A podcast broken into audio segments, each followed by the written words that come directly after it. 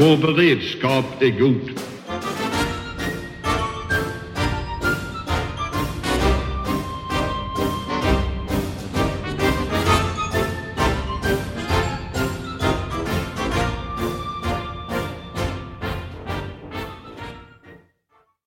Hej och välkomna till Höjd beredskap, en podd från Aftonbladet Ledare.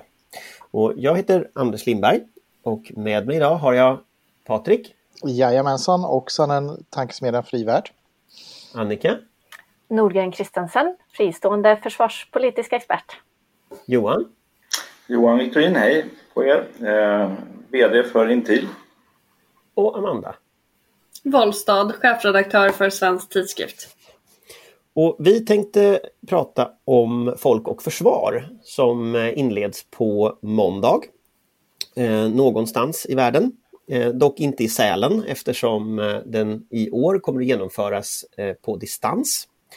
Eh, däremot kommer Folk och Försvar att genomföras ungefär med samma eh, personer som vanligt och samma ämnen och, och man försöker så gott det går trots dessa konstiga tider eh, hålla en liksom, konferens med, med eh, samma nivå som vanligt. Och de allra flesta tittar ju trots allt på Folk och Försvar på TV och där kommer det ju att, att sändas. Och det kommer också finnas på Folk och Försvars Youtube-kanal där man kan titta på det. Men vi tänkte prata lite om, om förväntningar och funderingar inför årets konferens. Eh, ni kan hitta program och sådana saker om ni vill titta närmare på det på Folk och Försvars hemsida. Där ligger liksom alla olika delar. Eh, så det eh, tänkte vi prata om idag och vi kommer också återkomma med poddar eh, under veckan som kommer där vi diskuterar vad som händer på Folk och Försvar, vilka utspel som, som kommer. Så ni kommer att kunna följa konferensen eller kommentarerna på konferensen via höjd beredskap. Men med det sagt så hoppar vi rakt in i dagens ämne. Och Folk och Försvar är ju uppdelat på två dagar och det skiljer ju, i vanliga fall är det ju tre dagar, men två dagar. Och man brukar ha det så att ena dagen är lite mer säkerhetspolitiskt eh, kan man säga, tiltar och andra dagen är lite mer eh, försvarspolitiskt. Och så ser det ut även i år. Så den första dagen inleds med Ann Linde, utrikesminister, och, eh, på måndag. Och då handlar det väldigt mycket om, om säkerhet eh, och säkerhetsfrågor under dagen. Och tisdagen inleds med eh, försvarsminister Peter Hultqvist och handlar då mycket mer om försvarspolitik. Men vi tänkte börja från början med det som är block 1. Utblick efter pandemin, perspektiv på Sverige och världen. Eh, och det inleds då med Ann Linde som ska prata om säkerhetspolitik och Ulf Kristersson som kommer att kommentera detta. Eh, Annika? Ja, Ann Linde är med för andra gången då på Folk och Försvar. Det var hennes eh, debut som utrikesminister förra året. Och vad hon gjorde då, om man drar sig till minnes det, det var att hon tajtade till relationen med försvarsdepartementet och utrikesdepartementet. Hon eh, drog en väl vald anekdot eh, om sitt intresse för också militärt försvar, militär verksamhet och sen höll hon sig i närområdet och fokuserade på EU och det var en skillnad gentemot hennes företrädare där Margot Wallström var mer så FN, eh, globala frågor och sådär. Hon drog sig liksom hemåt eh, och till eh, Europa och EU. Och det var också en signal då. Det andra som man kan komma ihåg, eh, och det tror jag ju att vi har sett under det året som har gått, det är att hon inte har backat för att använda försvarsberedningens formulering om att ett väpnat angrepp mot Sverige inte kan uteslutas. För det var ju en sån här grej som blev 2018 när Margot Wallström inte använde sig av den formuleringen och distanserade sig från den. Det har inte Ann Linde gjort utan hon har sagt det flera gånger. För oss specialintresserade tycker jag sånt, sånt är jätteintressant ordval nu blir det ju en exposé över alla de elanden som förstärks av pandemin och kanske inte orsakas så mycket av pandemin, men hon kommer säkerligen att säga just att det är en resonanslåda som förstärker befintliga negativa utvecklingstendenser i vår omvärld. Vad, vad, vad tror du hon kommer att ha för budskap? Att det blir en eh, bumpig väg, nej det heter det inte, jag höll på att översätta något eh, Gropig? Bumpy road. Eh, nej, hon kommer att vara, tror jag, eh, orolig eh, och inskärpa allvaret i att det finns en lång rad eh, negativa utvecklingstendenser. Naturligtvis en annan positiv också, vi ska inte glömma dem. Men, eh, men att det är en, en svårare och hårdare kargare värld vi har och inte minst för ett land som vårt där vi har, bygger väldigt mycket både självbild och annat på att eh, institutionerna fungerar, regelbaserade förhållningssättet fungerar och så vidare. Jag tror att hon kommer vara ganska uppriktig i att eh, här är omorientering och behov av det. Mm, vad tror du Ulf Kristersson säger? Jag tror, egentligen är det inte så väldigt mycket man är helt och hållet icke överens om egentligen. Det är NATO-frågan. Han kommer säkerligen pratat om den eftersom det aktualiserades med, och det har vi pratat om tidigare, eh, den här NATO-optionen. Eh, det är ju då också någonting som blir viktigt att framhålla eftersom det just är en sån tydlig konfliktlinje gentemot regeringen och S. Eh, så det kommer han ju göra. Men i övrigt är det ju inte olika världar dessa två personer har framför sig eller ser framför sig. Eh, så det är mer nyanser än stora vattengravar mellan de eh, Ulf Kristersson alltså och utrikesministern. Och med, tank med tanke mm. på det så skulle det vara väldigt önskvärt ifall man kunde då hitta ett bättre säkerhetspolitiskt språk och, så än, än det läget som nu har uppstått efter att riksdagen före, före jul då gjorde sitt tillkännagivande om NATO-option. Ehm, så att i, i, i analys av världen så borde det inte vara svårt att brygga över eh, mellan, mellan opposition och regering.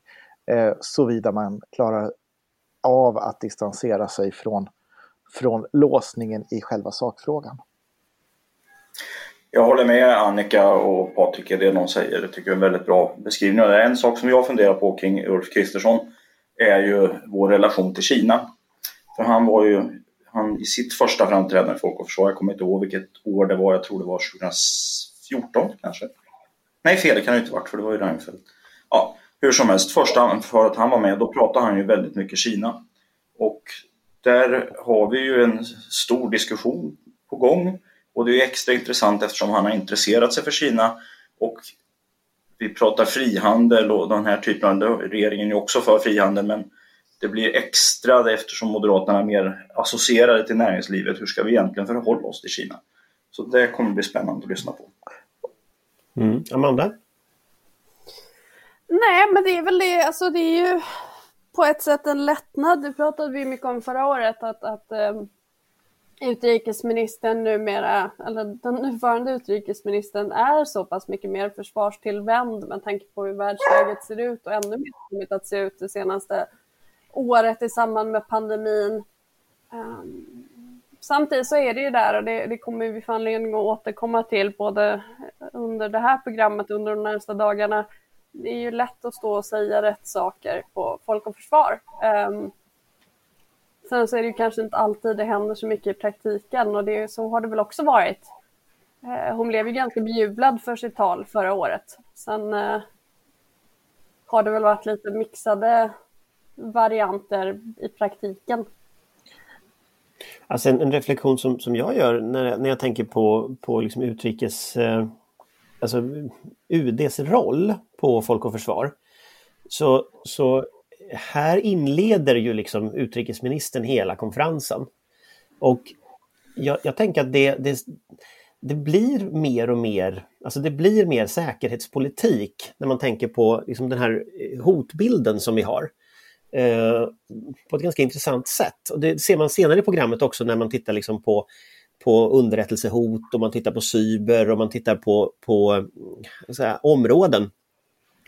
På förra konferensen eh, så kan inte jag minnas att vi pratade något om pandemier. Det är möjligt att man gjorde i någon, någon, någon del av den. Men en ganska fascinerande känsla är att den här konferensen inleds alltså med pandemin som säkerhetspolitiskt fenomen. Och den hade faktiskt börjat redan när förra konferensen var. Men det var ingenting vi såg i de diskussioner som vi hade. Och, och det där, den där liksom, man har ju pratat om ett vidgat säkerhetsbegrepp i liksom 20 år, eh, ännu längre. Eh, men här har liksom det vidgade säkerhetsbegreppet verkligen hunnit ikapp och tagit över allting. Och det som jag funderar lite på, nu sa du Kina där och det tycker jag är intressant för att frågan är ju så här, vad är det vi inte ser? Eh, som, som kommer att prägla det här året. Eh, på samma sätt som pandemin var det som vi inte såg förra gången. Jag vet inte, Kina är absolut en sån sak som ju kan komma att dominera väldigt mycket. Eh, Ryssland och Belarus var ju också någonting som, som, eh, som liksom fortsätter på något sätt från 2020 och som man inte riktigt vet vad det tar vägen. Eh, den nya amerikanska presidenten kommer ju att ändra naturligtvis kartan ganska mycket och det som hände nu i veckan i USA när man stormade Kapitolium och, och, och så. Alltså alla de här faktorerna kommer ju, det är en osäkrare värld med fler rörliga delar. Men vad är det vi inte tänker på? Vad är det vi inte ser? Har du några tankar kring det? Jag kan i alla fall lyfta en fråga som jag saknar och den egentligen kommer ju egentligen in på det som Johan Victorin tog upp med Kina och företagens roll och det är ju den, den eh, så att säga, ekonomiska dimensionen i de konflikter vi har i världen. Ekonomisk krigföring på olika sätt blir ju viktigare och viktigare. Vi har ju sett i vårt närområde Gazproms eh, rysk-tyska gasledning som ett direkt hot mot Ukraina och eh, Ukrainas överlevnad. Ehm, men också ett, ett sätt att stärka ryskt inflytande i Tyskland och kontinentaleuropa. Eh, och det har ju mötts nu av, av, amerikanska sanktioner mot alla företag som befattar sig med gasledningen. Eh, det är en ny verklighetskarta och där är inte vi riktigt rustade i, i debatten och den är ju större än, än Kina. Eh, och den tror jag kommer att bli mycket viktigare i Sverige under 2021 och då naturligtvis framkatalyserat av, av beslutet att stänga ute Huawei från svensk 5G-nät och, och vilka reaktioner det har fått. Eh, min andra reflektion är ju den nordiska dimensionen och den, den, tror jag kommer att komma upp. Att i ett stormigt osäkert läge så, så kommer att finnas en vilja att krypa närmare varandra i Norden samtidigt som relationerna har tagit skada under pandemin och att vi har hanterat pandemisituationen på olika sätt. Ja, för det, det, här med Kina och ekonomi är ju faktiskt, det, det, jag tänkte på det, om man tittar på Dagens Industri till exempel, som ju verkar liksom driva mer åt, eller har drivit förut också naturligtvis, men, men just det här att liksom näringslivet kliver ner och vill samarbeta närmare med Kina. Vi såg det här konstiga utspelet, eh, eller utspelet, men det här påtryckningarna på, på Ericsson från Huawei och den här diskussionen om där, där Ericsson har påtryckningar på regeringen för att liksom, eh, underlätta för Huawei och sådär. Det finns ju någon form av split i liksom svenska debatten. Som jag, som jag ibland undrar om den inte är större än vad vi ser. Man, tror, man får en känsla av att alla är överens om att Kina ska, man ska ta hårt mot hårt mot Kina. Men frågan är hur stabilt det där är egentligen. När liksom Wallenberg och andra har investerat så oerhört mycket i Kina. Det, det är ju... eh, så frågan är liksom, vilken linje kommer Sverige... EU har ju en linje om, om frihandel, vi har en annan linje än USA. Det är ju väldigt tydligt. Men vilken linje kommer vi att ha? Hårt mot hårt är ju lätt att sätta så länge det inte kostar någonting. Ja, jag tror också att det är en större skiljelinje än vad som alltid är synligt och att det är större krafter i omlopp än vad som alltid syns också i den frågan. Jag tror att det kommer i takt med att, att det ställs på sin spets på olika sätt så kommer de här olika intressena eh, också bli mer synliga. Det ska bli intressant att se vad man skriver i de kommande årsrapporterna. De kallar dem lite olika saker här från tjänsternas sida. Vi har ju både MUST och Säkerhetspolisens årsrapporter snart att läsa om 2020, FRA också. Eh, och hur de formuleringarna ser ut i år blir väldigt intressant i det här sammanhanget. Och det kommer ge, tror jag, ganska så kraftfullt stöd för de av oss som är mer oroliga än vad andra är just i frågan om Kinas inflytande och vad det kan leda till i förlängningen om man inte just ser eh, lite längre än eh, till kvartalsrapporteringen. Där måste jag också uttrycka förvåning över delar av, av näringslivets reaktioner på PTS beslut. Jag tänker på en del av det som telekombolagen sa efteråt att de inte såg det här eh, förbudet komma. Det är ju en det är ju ingen stor hemlighet eh, sedan eh, åtminstone ett årtionde tillbaka att, eh, att Huawei har, har medför problem att plocka in, in i nätet och att eh, man har liksom haft det på radarn ganska länge och att man inte har förstått det från telekombolagens sida är ju för mig väldigt svårbegripligt. Anders, jag har en annan sak som, som apropå din fråga där, vad är det som mm. man kan eller bör eller inte tänka på att man borde prata om på konferensen? Och, och jag har inget svar på vad jag nu ska säga, men ett, en, det vore intressant att höra från lite olika initierade håll, perspektiv, personer, eh, vad som är den svarta elefanten. En svart elefant är en korsning mellan den svarta svanen och elefanten i rummet. Det vill säga att det är, liksom, det, det är ett stort problem som är synligt men som är så svårt att hantera så ingen vill prata om den. Och vad är det? Eh, den här Folk och försvarskonferensen, alltså rikskonferensen i år och nästa. Eh, det skulle vara en intressant programpunkt i sig. Ja. Eh, får jag fortsätta bara? Ja. Jag har suttit och tänkt här också. Ehm, vi kommer i och för sig hoppa in lite grann på det här men cyberdimensionen eh, är väl kanske någonting. Jag tänkte på den här parallellen med att pandemin hade börjat när vi satt där förra året. Ehm, det finns ju en stor då, cyberintrång eh, som har skett i USA här parallellt med det kaos som är eh, och som då är attribuerat till, eh, till Ryssland med relativt hög säkerhet från amerikansk sida. Eh, vi vet inte riktigt vad det här tar vägen och hur man bestämmer sig för att svara på den här typen för det, någonstans så går det en gränslinje från vad som är vanligt, vanligt spioneri så att säga till vad som är rena krigsförberedelser och den linjen är otroligt svår att fästa. Eh, och det finns ju naturligtvis västmakter som ägnar sig åt djupgående intrång också i andras system. Och så kommer vi se en eskalering här som kanske spinner iväg. Det, det kan man ju ställa sig ett frågetecken. Men, men det du tar upp är ju väldigt intressant för det, det, det, det, var ju, det är ju en oerhörd eskalering från Rysslands sida. Eh, det sättet man har gått in eh, i eh, det här cyber, cyberangreppet i USA. Och här ligger också gränsland, du sa spionage, men det finns ju också sabotage. Mm. Alltså det, det, finns ju en, det finns ju, frågan är om det här är en glidande skala längre. Alltså, frågan är om inte detta är... På alla andra områden hade det varit krigshandlingar. Eh, när man liksom tar reda på hur man, eller i alla fall krigsförberedelser. Eh, mm. Och om man sen skulle gå vidare med det här och förstöra infrastruktur eller, eller förstöra system för samhällsviktig verksamhet, då är det ju krigshandlingar. Och där har ju också Nato pratat om en, en, en, eh, cyber som ett sådant område där man, där man kan ha krigshandlingar. Men det är ju väldigt otydligt var gränserna går. Mm. Uh, och det är ju en del av gråzonen att, och cyberområdet är ju inte reglerat. Ehm, på det temat så hade ju Norge ett stort intrång i Stortinget i, i augusti där man senare under hösten pekade ut Ryssland och GRU som angripare. Ehm, ryssarna var alltså inne i Stortinget. Ehm, sen såg jag också svepa förbi, jag vet inte, där kanske någon annan har bättre detaljkoll än vad jag har just nu, men jag såg det svepa förbi också, fast mycket mindre uppslaget, att finska riksdagen ska också haft påhälsning under hösten eh, av cyberintrång. Så att eh, det här är ju ett, ett eh, reellt problem. Alltså, e- e- e- när, när, när den amerikanska eh, historien, eh, eller angreppet på USA eh, uppmärksammades, då sa ju FRA att de system som FRA har och implementerar på svenska myndigheter hade upptäckt det här. Och det är ju lite intressant, för FRA ligger väldigt långt fram. Eh, och det, jag tänker att det gränsar lite till nästa område om vi tittar på eh, programmet. För det, det har då rubriken Framtidens krigföring, nya domäner och system. Och det, det är lite roligt för det inleds ju eh, av Carl Bildt eh, som ska prata. Eh, som presenteras som före detta statsminister och utrikesminister.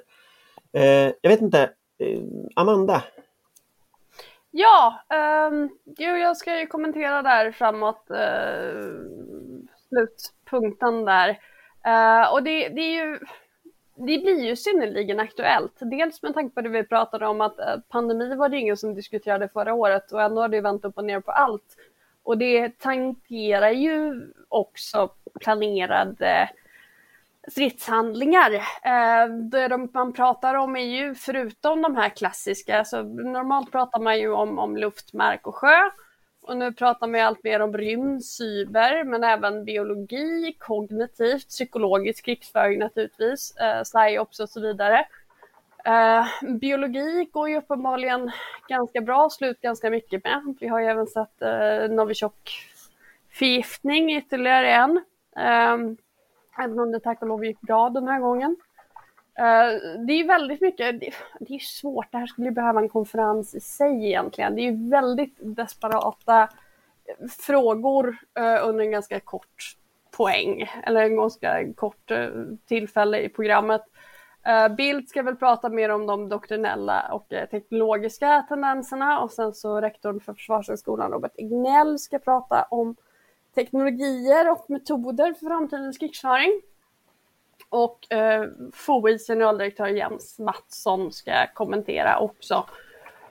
Eh, men det är ju väldigt mycket av det här som för å ena sidan, ja, framtidens krigsföring, men det har vi ju pratat om förr. Jag minns eh, under Balkankrigen så pratade man om en helt annan typ av krigsföring, en väldigt Eh, klinisk sådan där vi skulle slippa egna förluster och boots on the ground och så vidare. Och sen kom Afghanistan och Irak och då var vi tillbaka i en krigsföring som annars var liksom 1800-talspräglad, förra, Afgan för, förra Afghanistankriget. Eh, samtidigt som vi har allt fler arenor, så det stora problemet här är väl kanske att ja, det kommer nya arenor för krigsföring, men de, de gamla blir kvar. Så det är så mycket mer vi måste hålla koll på och som dessutom liksom går att samutnyttja. Eh, när allt mer digitaliserat så är det lättare att slå ut och sen därmed komma åt även mer traditionella mål. Jag tänker att, jag tänker att om, om man går tillbaka 20 år i tiden ungefär, 20-25 år i tiden, då, då pratade man ju väldigt mycket om det här begreppet revolution in military affairs. Eh, och det var ju väldigt präglat av det första Irakkriget, att liksom den högteknologiska amerikanska krigsmaskinen mosade liksom Iraks Sovjetstrukturerade eh, maskin kan man säga på, på, på oerhört kort tid. Och liksom det högteknologiska precisionssystemet eh, eh så att säga som USA hade byggt upp visade sig vara så oerhört mycket mer effektivt än, än det här med fasta installationer och, och, och så att säga det här mera traditionella försvarssystemet som, som Irak hade. Och sen ägnar man ganska lång tid åt att prata om liksom, hur blir vi högteknologiska med den tidens teknologi. Det jag, den reflektion jag gör när jag ser det här med framtidens krigföring, det, det är ju att här har vi ju, vi står ju mitt i en ny sån här omvälvande tid med AI, med att, att man faktiskt lyckades få USA i kaos från Rysslands sida. Ryssland har ju bidragit oerhört mycket till den här liksom eh, väldigt avancerade informationskrigföringen som vi var för fyra fem år sedan helt oförberedda på. Nu är det bättre än, än, än, än då. Man kunde till och med invadera och ockupera Ukraina med hjälp av liksom information, så att, eller, eh, Krim i Ukraina med hjälp av eh, liksom informationskrigföring. Mycket. Och hela den världen, vi har inte riktigt anpassat oss efter den än. Eh, och nu kliver Kina in med väldigt avancerade AI-teknologi och, och, och, och, så eh, som en, en, en, liksom en motståndare på de här arenorna. Eh, om man liksom ställer frågan, vad tror du är deras budskap, Amanda? Alltså, vad är framtidens krigföring? Vad är det som liksom, vad är det framtidens konflikter? Vad är det vi kommer att se liksom framför oss? Det är en kristallkula, så det är liksom, jag kan inte svara mycket kristallkula. Eh, det krävs nog kompetentare människor än jag som fortfarande inte kan svara på den frågan. Eh, men det är väl det här med många, alltså se de ytterligare dimensionerna och hur de kan samverka. Både i krigsföring, offensiv kapacitet, defensiv kapacitet. Um, och se också vikten av det civila försvaret även ur en militär Eh, perspektiv, därför att vi ser ju det väldigt tydligt nu med viruset. Eh, hur hade situationen sett ut om detta var någonting som, som, nu går det ju konspirationsteorier om det, men det verkar inte ligga så mycket i det. Men om det hade varit en aktiv biologisk krigsföring, eh, hur lätt det är att, att liksom slå ut systemen eh, som inte är direkt militära, därför att vi har inte vi har inte tänkt på den kapaciteten eller den möjligheten. Och sen så har vi naturligtvis AI och, och ministerialisering och så vidare där vi har en, en helt annan situation med möjligheten att eh, verka oupptäckta på eh, annans territorium.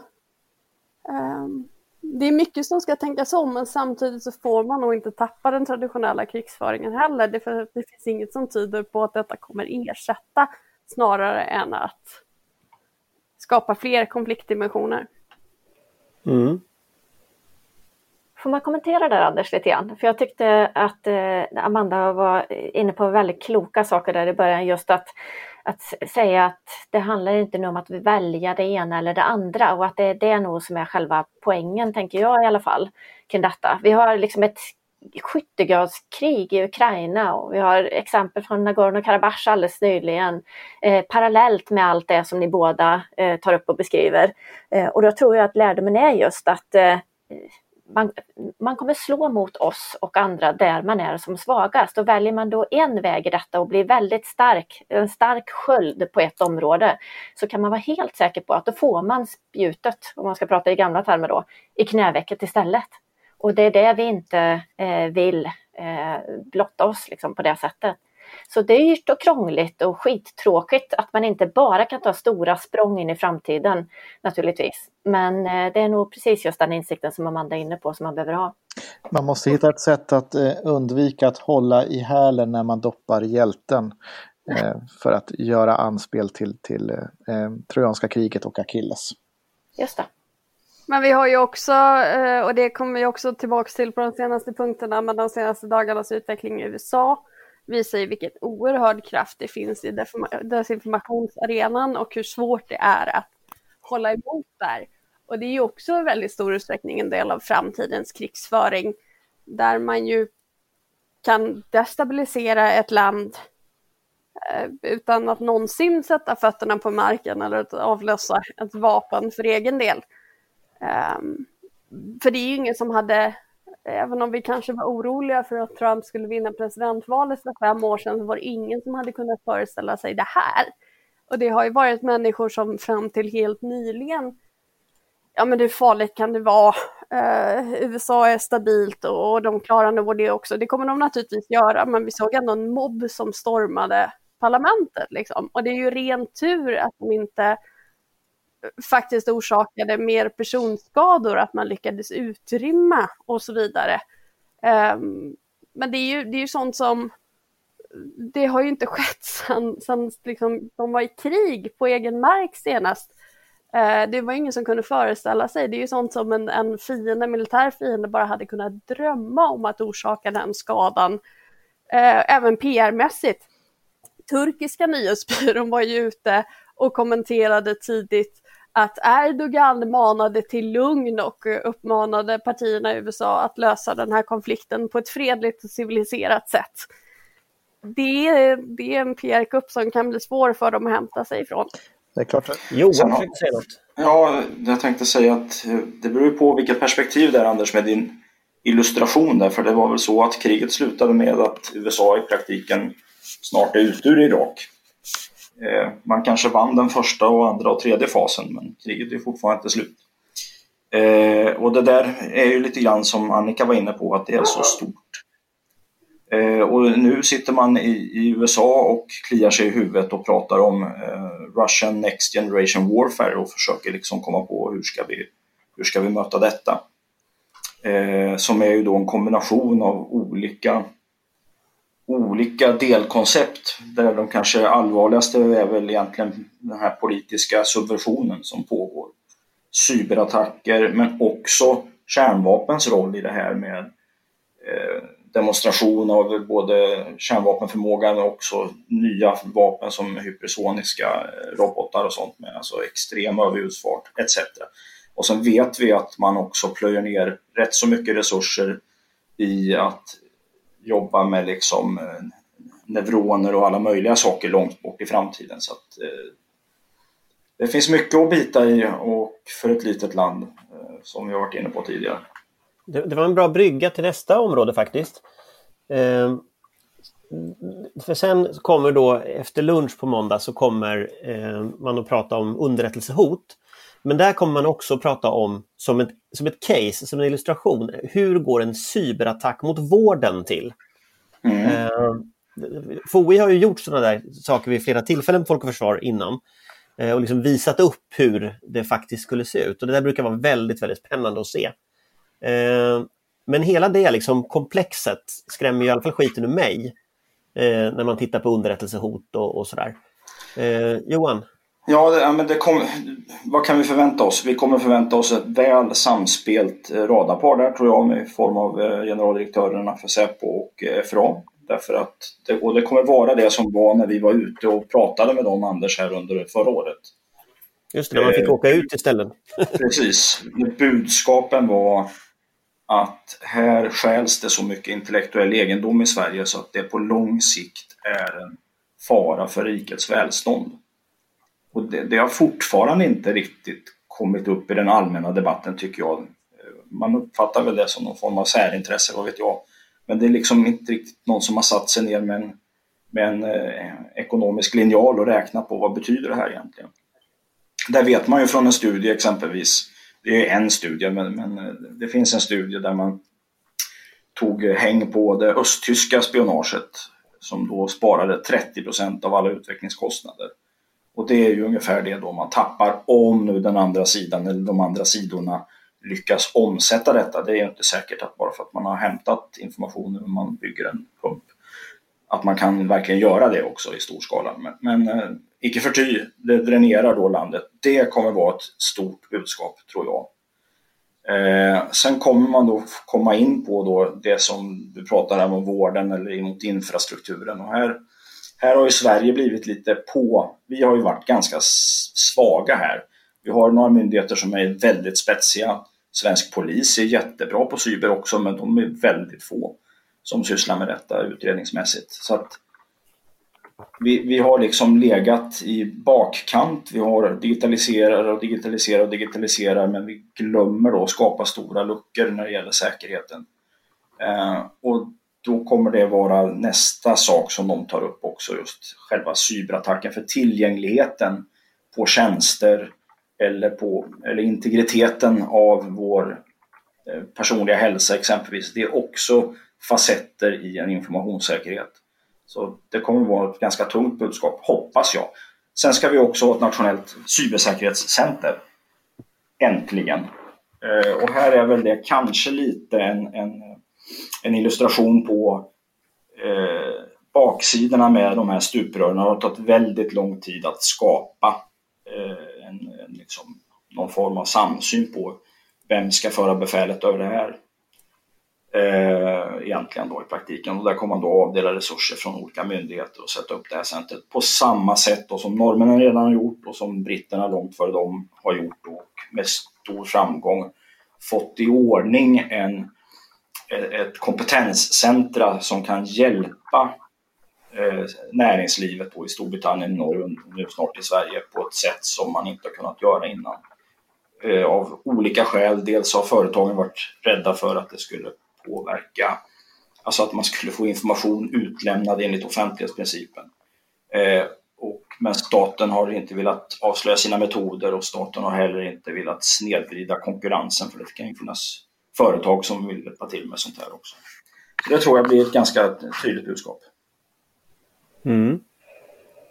En sak som jag funderar på med det här området, det, det, var det som Annika tog upp tidigare, med, eller som vi pratade om tidigare, med, med vad, vad tjänsterna säger, hur, hur, hur öppna man är med, med vilka hotbilder som vi har.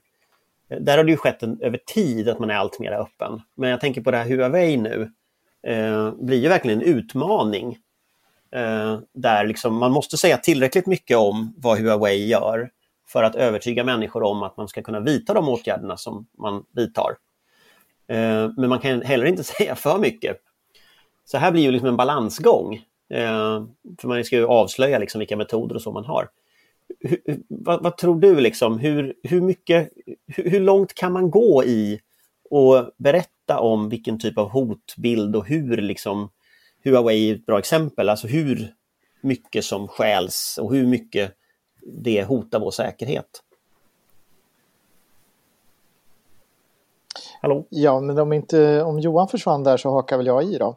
Och så säger jag att man behöver säga betydligt mer än vad man säger idag därför att det är svårt för människor att begripa det här. Och eh, jag tycker att det märks i ganska mycket kommunikation att myndigheter, företag och individer som borde förstå saker och ting har problem att förstå eh, det som jag lite ibland skämtsamt kallar för det säkerhetspolitiska ehm, eh, så att det blir liksom försvinner, budskapet försvinner på vägen. Så att mer än idag är väl mitt korta svar. Tror du de kommer göra det då? Ja, det behövs ju. Ehm, det är klart att det måste ju rimligtvis finnas en viss frustration att inte budskapen går fram och då behöver man ju se över sin, sin kommunikation. Det är ju inte, det är ju inte bara mottagarens fel att de inte fattar. Nej. Andra reflektioner på det? Ja. Jag har en till eh, ja. vad de kommer säga. Claes Friberg kommer säga, vilket de nu har sagt i fem år tror jag, att gapet mellan hotet och våra egna skyddsåtgärder tyvärr växer. Jag har en kommentar där till också, vad jag tror möjligen kommer komma från FRA. Det var i och för sig den tidigare generaldirektören Dag Hartelius, han brukade säga, vilket överraskade en och annan, som förväntade sig att han skulle prata om den absoluta spetsen eh, i och med att han just var generaldirektör för FRA. Men han brukar säga så här att, att den stora effekten skulle man få för vårt samhälle i det här perspektivet, det är om man höjer lägstanivån generellt. Och det var lite speciellt att det kom just från FRA som den, liksom ett viktigt starkt budskap. Eh, och det andra jag skulle kommentera apropå cybersäkerhetscentrum som man bör minnas, det är ju att ingen av de här myndigheterna som nu ingår i centret avlövas någon uppgift eller något ansvar som man också ska göra så att säga, inom den egna myndigheten. Ingen myndighetsinstruktion så vitt jag vet kommer att förändras utan man ska göra det man har ansvar för att göra inom sig själv så att säga och sen på olika sätt enkelt uttryckt polas resurser till centrat. Eh, och då kan man vara orolig om man inte tillser att det blir mer resurser och att man får möjlighet och också kan rekrytera de här personerna, liksom addera på så att det inte bara är så att det smetas ut. Mm. Nej, men det där är väldigt intressant för det, det, det, det, det blir ju liksom, det måste ju bli mer effekt. Eh, poängen måste ju vara att få mer effekt för, för det man gör. Eh, och många har sett fram emot det här cybersäkerhetscentrumet som liksom det, det är lösningen på det här. Men om man liksom läser vad tjänsterna skriver så är det väl ganska uppenbart att det här är det är så tvärsektoriellt det här problemet och det är så starkt kopplat till näringslivet och det är så starkt kopplat till liksom aktörer som ligger utanför myndighetsvärlden och också internationella aktörer. Att, att här liksom springer man liksom i kapp en utveckling. Um, kommer vi att hinna i kapp den? Vad tror du Annika? Vi kan ju inte ge upp, det kan vi inte göra. Inte vare sig på detta område eller något annat som av, av områdena vi brukar prata om. Men vi kan väl säga så att vi har ju andra länder som är eh, duktiga och effektiva, inte minst också i samarbete med näringsliv och också att eh, stö, stödja upp där i de apropå vad Johan nämner som är så otroligt viktigt med det här med välståndsfrågan och kopplingen till vad, vad man hämtar ut eh, inte minst ur näringslivet. Så, så här finns det, vad ska vi säga, Hultqvist brukar väl säga förbättringspotential finns på detta område. Men visst, absolut, nu, nu ska det vara på plats ett cybersäkerhetscentrum. Det är efterlängtat och vi får utgå från att man kommer bli mer effektiv också när det gäller samarbetet eh, och stödet till näringslivet. Sen efter den här eh, förmodligen ganska deprimerande genomgången av alla hot så kommer vi till något som ändå skulle kunna vara lite möjligheter. Eh, och då kommer Edward Lucas som ju tidigare eh, chefredaktören var han väl på The Economist men nu eh, är på Center for, for European, European Policy Analysis, Analysis eh, som pratar om vad kan man förvänta sig av nästa president i USA. Eh, och vi kommer också ha Frankrikes eh, ambassadör i Sverige, Etienne de Gonville, som ska prata om EU och NATO. Och det här är liksom, om man ska säga, titta ut i världen. Ehm, jag vet inte, Patrik? Ja, nej, men det som eh, blir intressant är ju naturligtvis att nu försvinner ju Donald Trump eh, och vi får Biden som president. Vi kan förvänta oss eh, mer aktiviteter från USAs sida att jobba i gamla mer välkända hjulspår, samarbete med traditionella allierade och så vidare. Eh, Trumps tidens eh, solo-race eh, och dissande av allierade kommer vi inte att, att se på samma sätt. Däremot så ska vi komma ihåg att eh, de grundläggande inriktningarna när det gäller till exempel synen på, på Kina som hot och så vidare. Det, det, det, förändras ju inte. Det där var ju någonting som, som kom redan före Trump och det kommer att finnas kvar efter Trump, den analysen att Kina är ett hot och utmaning. Och eh, där kan man väl tänka sig att, att den amerikanska administrationen som är inkommande vill försöka jobba tillsammans med övriga eh, demokratier i att, att hantera den kinesiska situationen. Eh, till skillnad då från, från hur, hur Trump-administrationen agerade. Mm. Ja, det här blir enormt spännande tycker jag. För det första tycker jag att det är väldigt bra programpunkter här. Väldigt bra, kompetenta, intressanta föredragare så att säga i, i det där. Det kommer bli superintressant men vi, alltså det här kommer ju bli väldigt svårt också. Nu har vi en helt ny värld framför oss. Eh, det, egentligen skulle man fråga sig om det är efter pandemin, är det inte efter stormningen av kongressen som, som det här? För alla kommer ju famla nu och vi ser en multilateral värld växa fram. Och där är ju risken att vi försöker då liksom backa, att vår reaktion är att backa tillbaks ett steg och säga att vi ska nu gå i de här, jag menar inte att du har fel där Patrik, men alltså att backa tillbaks i, i gamla hjulspår, att vi ska ställa oss lite grann vid sidan om och försöka hitta en position som inte är bara USA och inte bara Kina utan och inte och sen försöka hitta den positionen. Då är frågan om det överhuvudtaget finns någon sån. Ja, någon position finns det ju men den där optimala positionen finns nog kanske inte längre som vi tyckte att vi hade förut. Nej, det, eh. den, den delen av analysen håller jag helt med om Johan att det är inte utrymme i den värld som kommer eh, att visa sig efter pandemin att tro att man kan backa undan och, och, vara i ett komforthörn och räkna med att andra löser biffen. Eh, USAs eh, förmåga att lösa biffen så att säga eh, är ju relativt svagare på grund av den ekonomiska utvecklingen över tid. Men USA har nu också förlorat väldigt mycket i soft power på grund av Trumps fyra år. Och eh, det kommer att krävas ett betydligt mer aktivt svenskt och europeiskt ansvarstagande i alla säkerhetsdimensioner och att, att jobba kreativt och proaktivt och med ett ansvarstagande som vi inte riktigt är vana med. Och där är jag då lite orolig, det var precis det jag tänkte komma till. Därför att vad tittar vi på då? Jo, då tittar vi på Tyskland som motor i ett EU. Och har jag roat mig med sista veckan och titta på vad, vad håller de på med? Ja, A, de ska inte ha vapen på sina UAVer. Eh, enligt då en, eh, så att säga, en kompromiss som har gjorts politiskt. Det du tog upp nyss Patrik, det här med att eh, amerikanerna då har infört nya sanktioner vilket har fått den norske Veritas att hoppa av Nord Stream 2. Det går nu tyskarna runt genom att skapa en stiftelse som ska kunna fortsätta det här jobbet. Eh, och vi, det var också en nyhet om att, om att Merkel och Putin, nu var det här i och för sig en, en, en sak från Kreml, men det, jag har inte sett någon dementi på det, att man hade diskuterat gemensam produktion av vaccin i, eh, mot corona också, vilket är väldigt intressant med tanke på att EU då har sagt att Ryssland har använt Novichok i Storbritannien. Ja. Mm. Alltså man kan ju också säga, jag, jag, tänker också så här när man, när man pratar om liksom omvärlden på det här sättet som man gör här, så blir det ju, för jag tror att du har helt rätt i det här med att, att stormningen blir den definierande faktorn. För du har liksom Kinas ökade makt, du har pandemin som på något sätt präglade liksom 2020 och så tänkte vi att nu skulle det bli bättre och det första som händer på 2021 är att kongressen stormas. Liksom.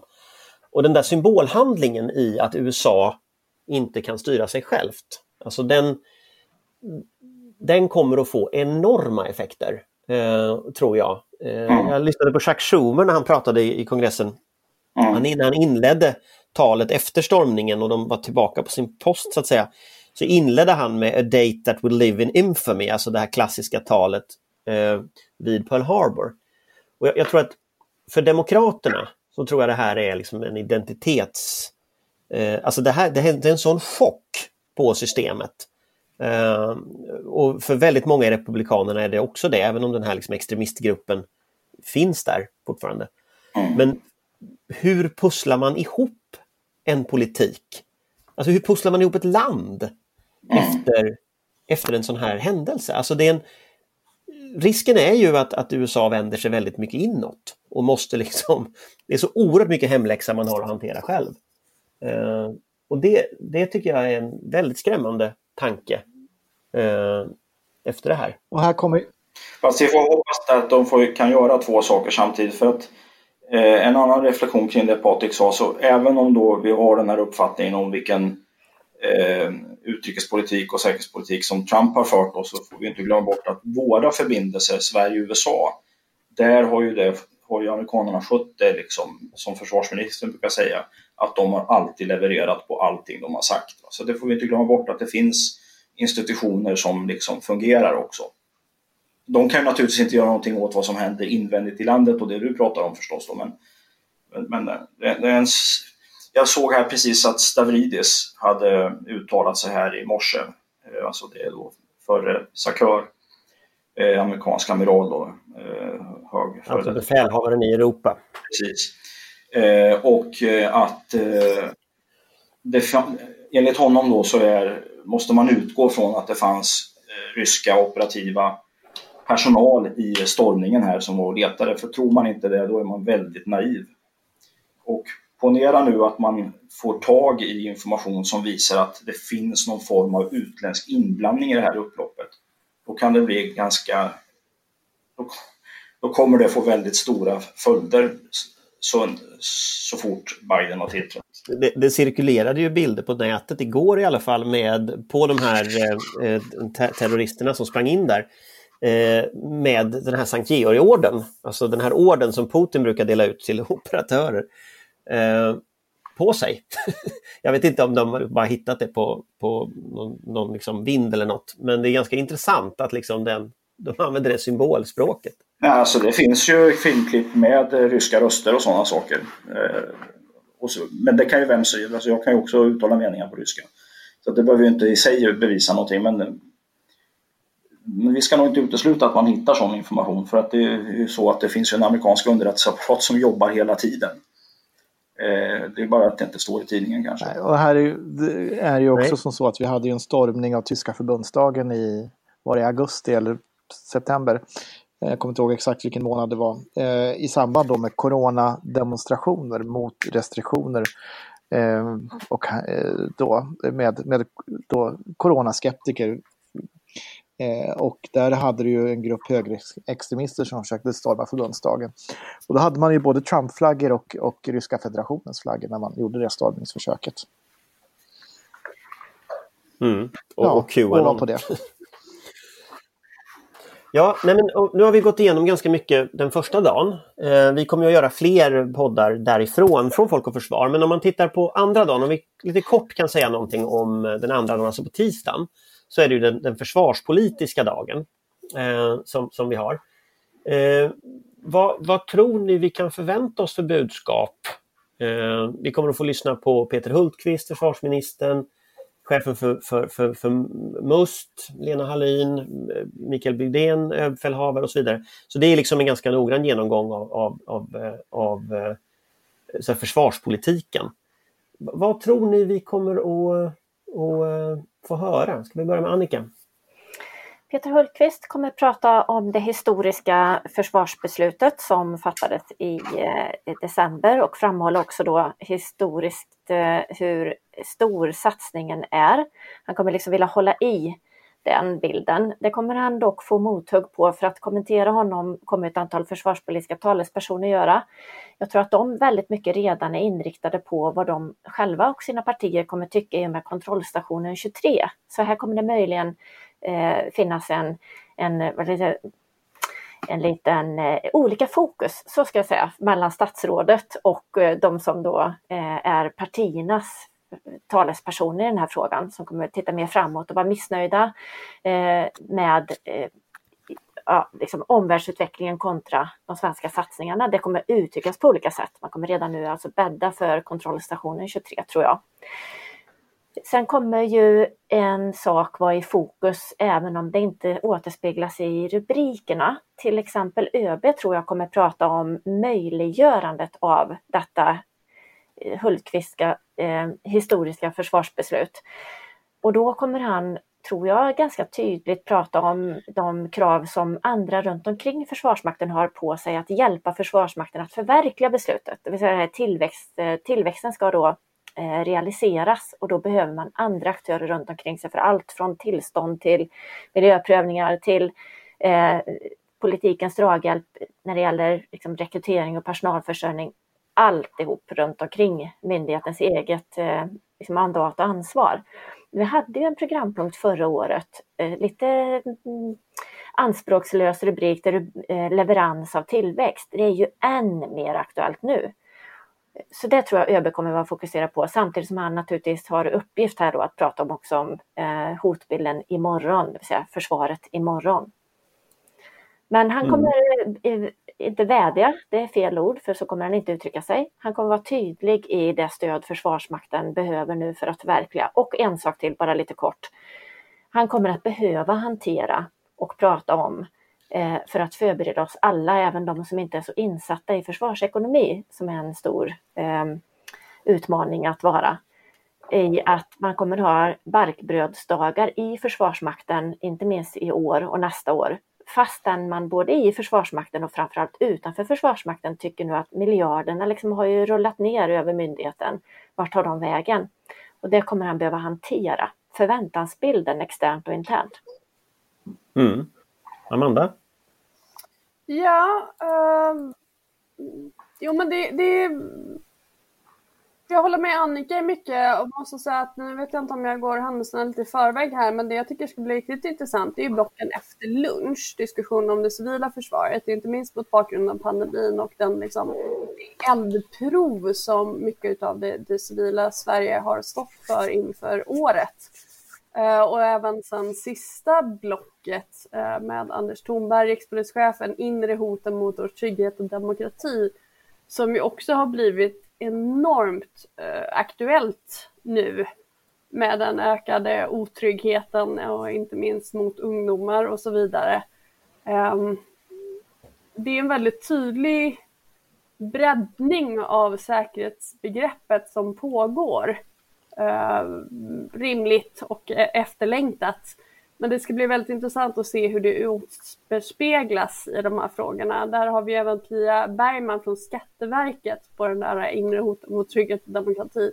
Vilket ju också är lite intressant, den liksom breda uppslutningen kring den organiserade, den, den numera allt oorganiserade organiserade brottsligheten. Um, så det är nog de bitarna jag ser fram emot jag tror inte det kommer komma jättemycket om det militära utan eh, jag tror att Annika har helt rätt i sin analys där. Och det är ju alltid intressant att höra, inte minst eh, ÖB. Men eh, det kommer, det kommer kanske inte vara jättemycket spann nytt just i de punkterna. Men här finns ju den svarta elefanten som Annika pratade om tidigare i podden. Ehm, den, den, och det är ju frågan om pengarna. Där, vi får väl se, men, men det finns ju finns ju nerifrån i, i Försvarsmaktens organisation signaler som, som tyder på att, att det är ju inte direkt, eh, ehm, hur ska jag uttrycka mig, eh, sötebrödsdagar som väntar även med de här anslagen som beskrivs som historiska tillskott. Vi har ju ett, ett, en historisk skuld att, att hantera. Eh, det i kombination med att eh, då finansieringen av den civila delen av totalförsvaret är ju också djupt otillräcklig och att för att det ska börja hända saker på allvar så behövs det ju betydligt mer pengar än vad som är avsatta fram till 2025. Så att där någonstans så tror jag att du har den svarta elefanten. Men den kommer många inte vilja prata om av många olika anledningar. Mm. Johan? Ja, alltså, jag var ju så impad av eh, Eva Skog Hasslums, eh, marinchefens liknelse i en intervju här i Dagens Nyheter under julhelgen. Där hon sa att det var som att hälla eh, olja på ett ekbord som man skulle smörja in och så försvann bara oljan. Eh, det tyckte jag var en väldigt bra illustration, det vill säga att man inte hade underhållit det på väldigt lång tid och därför så bara försvinner det in pengar i, i det här. Men samtidigt är det också så att man kan, det blir ju olja över också så man kan inte bara skjuta till mer och mer pengar för att man måste också kunna absorbera det där. För någonstans tar ju liksom oljan alltså det blir ett överskott av olja på ekbordet. Eh, och jag tror att hitta vinkeln på den linjalen är nog eh, svår, eh, utmanande. Och jag hoppas, eh, har inte kanske varit helt övertygad om att man har en, en annan vinkel, alltså en ännu högre tillväxtvinkel inplanerad. För det kan ju påverka hur man lägger beslut idag för att kunna ha handlingsfrihet att kunna växa ytterligare. Mm.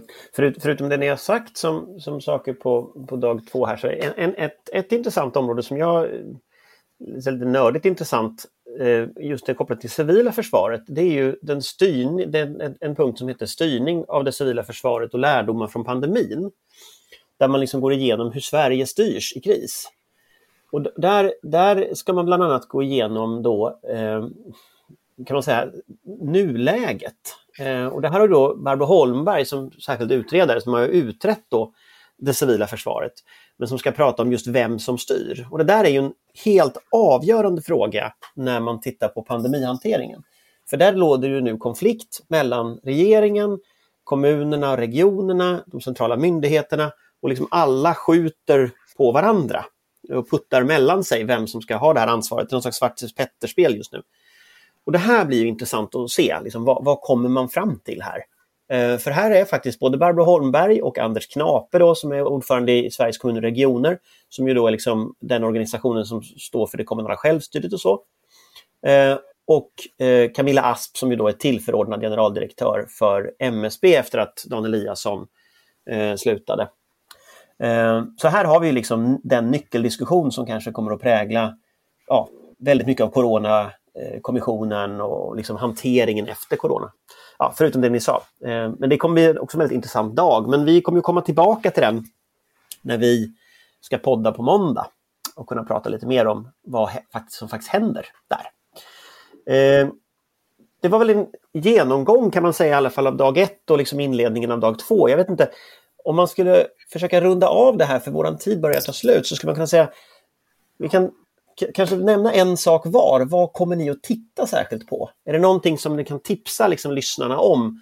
Eh, är något man ska, ska liksom, guldkorn i det här programmet? Eh, ni får inte säga de sakerna ni själva ska kommentera, men, men eh, vad finns det för guldkorn som ni ska, som ni ska se, som, som folk borde titta efter och liksom, eh, suga åt sig?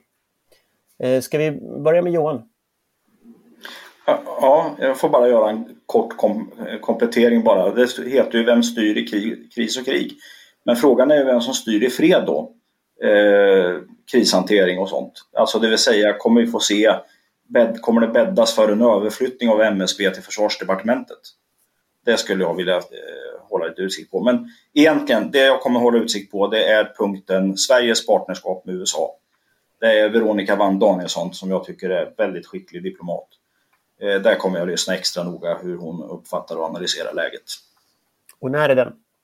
Den är på måndag klockan 14 och ja, klockan 15 ungefär. Mm. Patrik? Ja, då tänkte jag säga någonting som lyssnarna inte ska titta på och inte ska ge någon uppmärksamhet eh, och helst ignorera. Eh, och det är ju det trollningsförsök som eh, görs i samband med, med rikskonferensen. Därför att under 2020 bildades en organisation som har ett enda syfte och det är att störa rikskonferensen eh, och Folk och Försvar. Det är organisationen Folk och Fred som har lagt evenemang eh, samtidigt som eh, rikskonferensen. Eh, och eh, det här försöker man då måla ut sig till att vara liksom den folkliga och den, den liksom den fredliga eh, grupperingen. Och det man ska veta om den här organisationen och, och de som medverkar där så finns det en rad olika namn som på olika sätt eh, får betraktas som närstående Kreml och, och Moskvas intressen. Som har på, på olika sätt medverkat i, i olika informationsaktiviteter eh, som har då både initierats och, och gagnat Ryska federationen. Det som är lite sorgligt med det evenemanget är ju att ett antal personer eh, som inte har den kopplingen dyker upp eh, naivt nog på den där konferensen. Eh, och där hittar vi till exempel Greta Thunbergs organisation Fridays for Future. Det eh, finns en representant som ska prata. Ja, för de har ju inte där att göra. Rimligen. Nej, nej, de har inte där att göra. Där återfinner vi också den tidigare Moskva-ambassadören Sven Hirdman.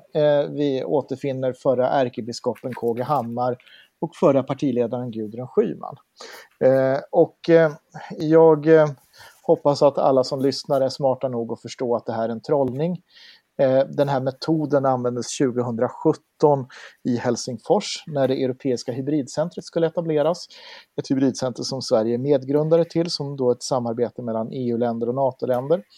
Då drog eh, rysk påverkan igång och så startade man en, en eh, konkurrerande organisation med snarlik namn, snarlik logga och hade lanseringsevenemanget tvärs över gatan.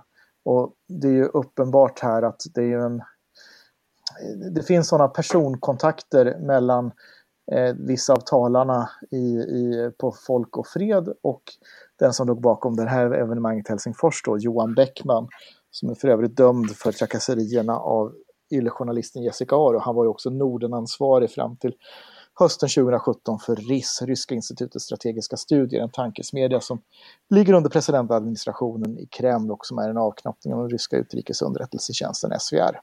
Så att eh, eh, ignorera eh, folk och fred och blanda för guds skull inte ihop de här organisationerna och programmen. Även de externa inbjudna gästerna där är ju en eh, ganska klassisk lista på kontraindikatorer gällande Eh, försvar och säkerhet och landets och intressen. Och demokrati och frihet. Men eh, eh, ja, eh, ska vi gå vidare till nu ska vi se, Annika? Ja tack. Eftersom Johan nämnde Veronica Wann Danielsson som jag hade tänkt att nämna, som, jag, som är mycket skarp och mycket intressant att lyssna på, så säger jag den andra personen som jag hade tänkt nämna, nämligen Lena Hallin som är chef för militär underrättelse och säkerhetstjänsten. Hon ska prata om omvärldsläget, konsekvenser för vår, för vår fred och frihet och hon är alltid lyssnansvärd. Strax efter tio på tisdag. Mm. Eh, ska vi se. Nu, Amanda har inte sagt något. Nej. Nej, uh, du pratade om Patriks bok, så då är det du. Uh, jag har två halva block i alla fall. Det första är då uh, eh, 14 och 15 på måndagen. Edward Lucas, Frankrikes ambassadör i Sverige och chef för Amerika som Johan nämnde, Eh, som jag tror kommer ge en väldigt bra indikation. Lucas är ju alltid vass och det kommer vara väldigt intressant att höra vad han har att säga om ja, hur, hur, det går i USA nu efter de senaste dagarnas utveckling och jag tror också Frankrikes ambassadör kommer vara en väldigt intressant indikator på eh, Frankrikes syn och inställning till NATO och den europeiska säkerhetsordningen eh, som kommer vara en ganska stor, kommer att ha stor påverkan tror jag för den utvecklingen. Och sen är det då eh, återigen sista passet på tisdagen 15.30 eh, med rikspolischefen eh, Magnus Ranstorp, Pia Bergman, eh, se den här diskussionen även om just den organiserade brottsligheten och eh, som, som negativ säkerhetsaktör som ett större problem rent polisiärt. Där det ju dels finns en samhällsnedbrytande del, inte minst med de här ungdoms och förnedringsråden och så vidare som kommer påverka landet väldigt mycket på lång sikt eh, och dels eh, att det ju naturligtvis även finns kopplingar mellan den organiserade brottsligheten och andra grupperingar och kanske till och med nationer som eh, inte alltid har vårt bästa för ögonen. Mm.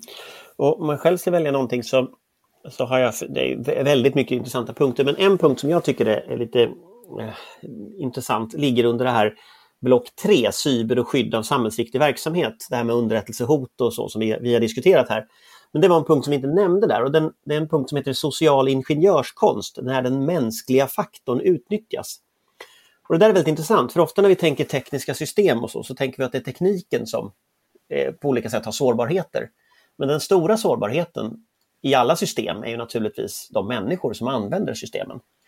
Och hur en, eh, en motståndare kan använda det eh, det är ju någonting som bland annat Ryssland har ju arbetat väldigt mycket med, med de här olika teorierna om reflexiv kontroll och, och liksom hur man styr beslutsfattare på olika sätt. Eh, det där är väldigt intressant, just kombinationen här med liksom beteendevetenskap och det tekniska. Eh, och det är då eh, Ann-Marie Eklund Lövinder som är säkerhetschef på Internetstiftelsen som ska prata om det. Så det är en sån här punkt som jag tycker, men hela det blocket tycker jag känns väldigt spännande. Eh, ja, det var min, mina fem cent. Eh, några mer reflektioner och tankar? Nej, då, då tar vi tacka för idag och så återkommer vi med en podd på måndag nästa gång där vi rapporterar från Folk och Försvar. Så vi hörs på måndag. Tack hej, hej! Hej då! Hej då! Vår beredskap är god.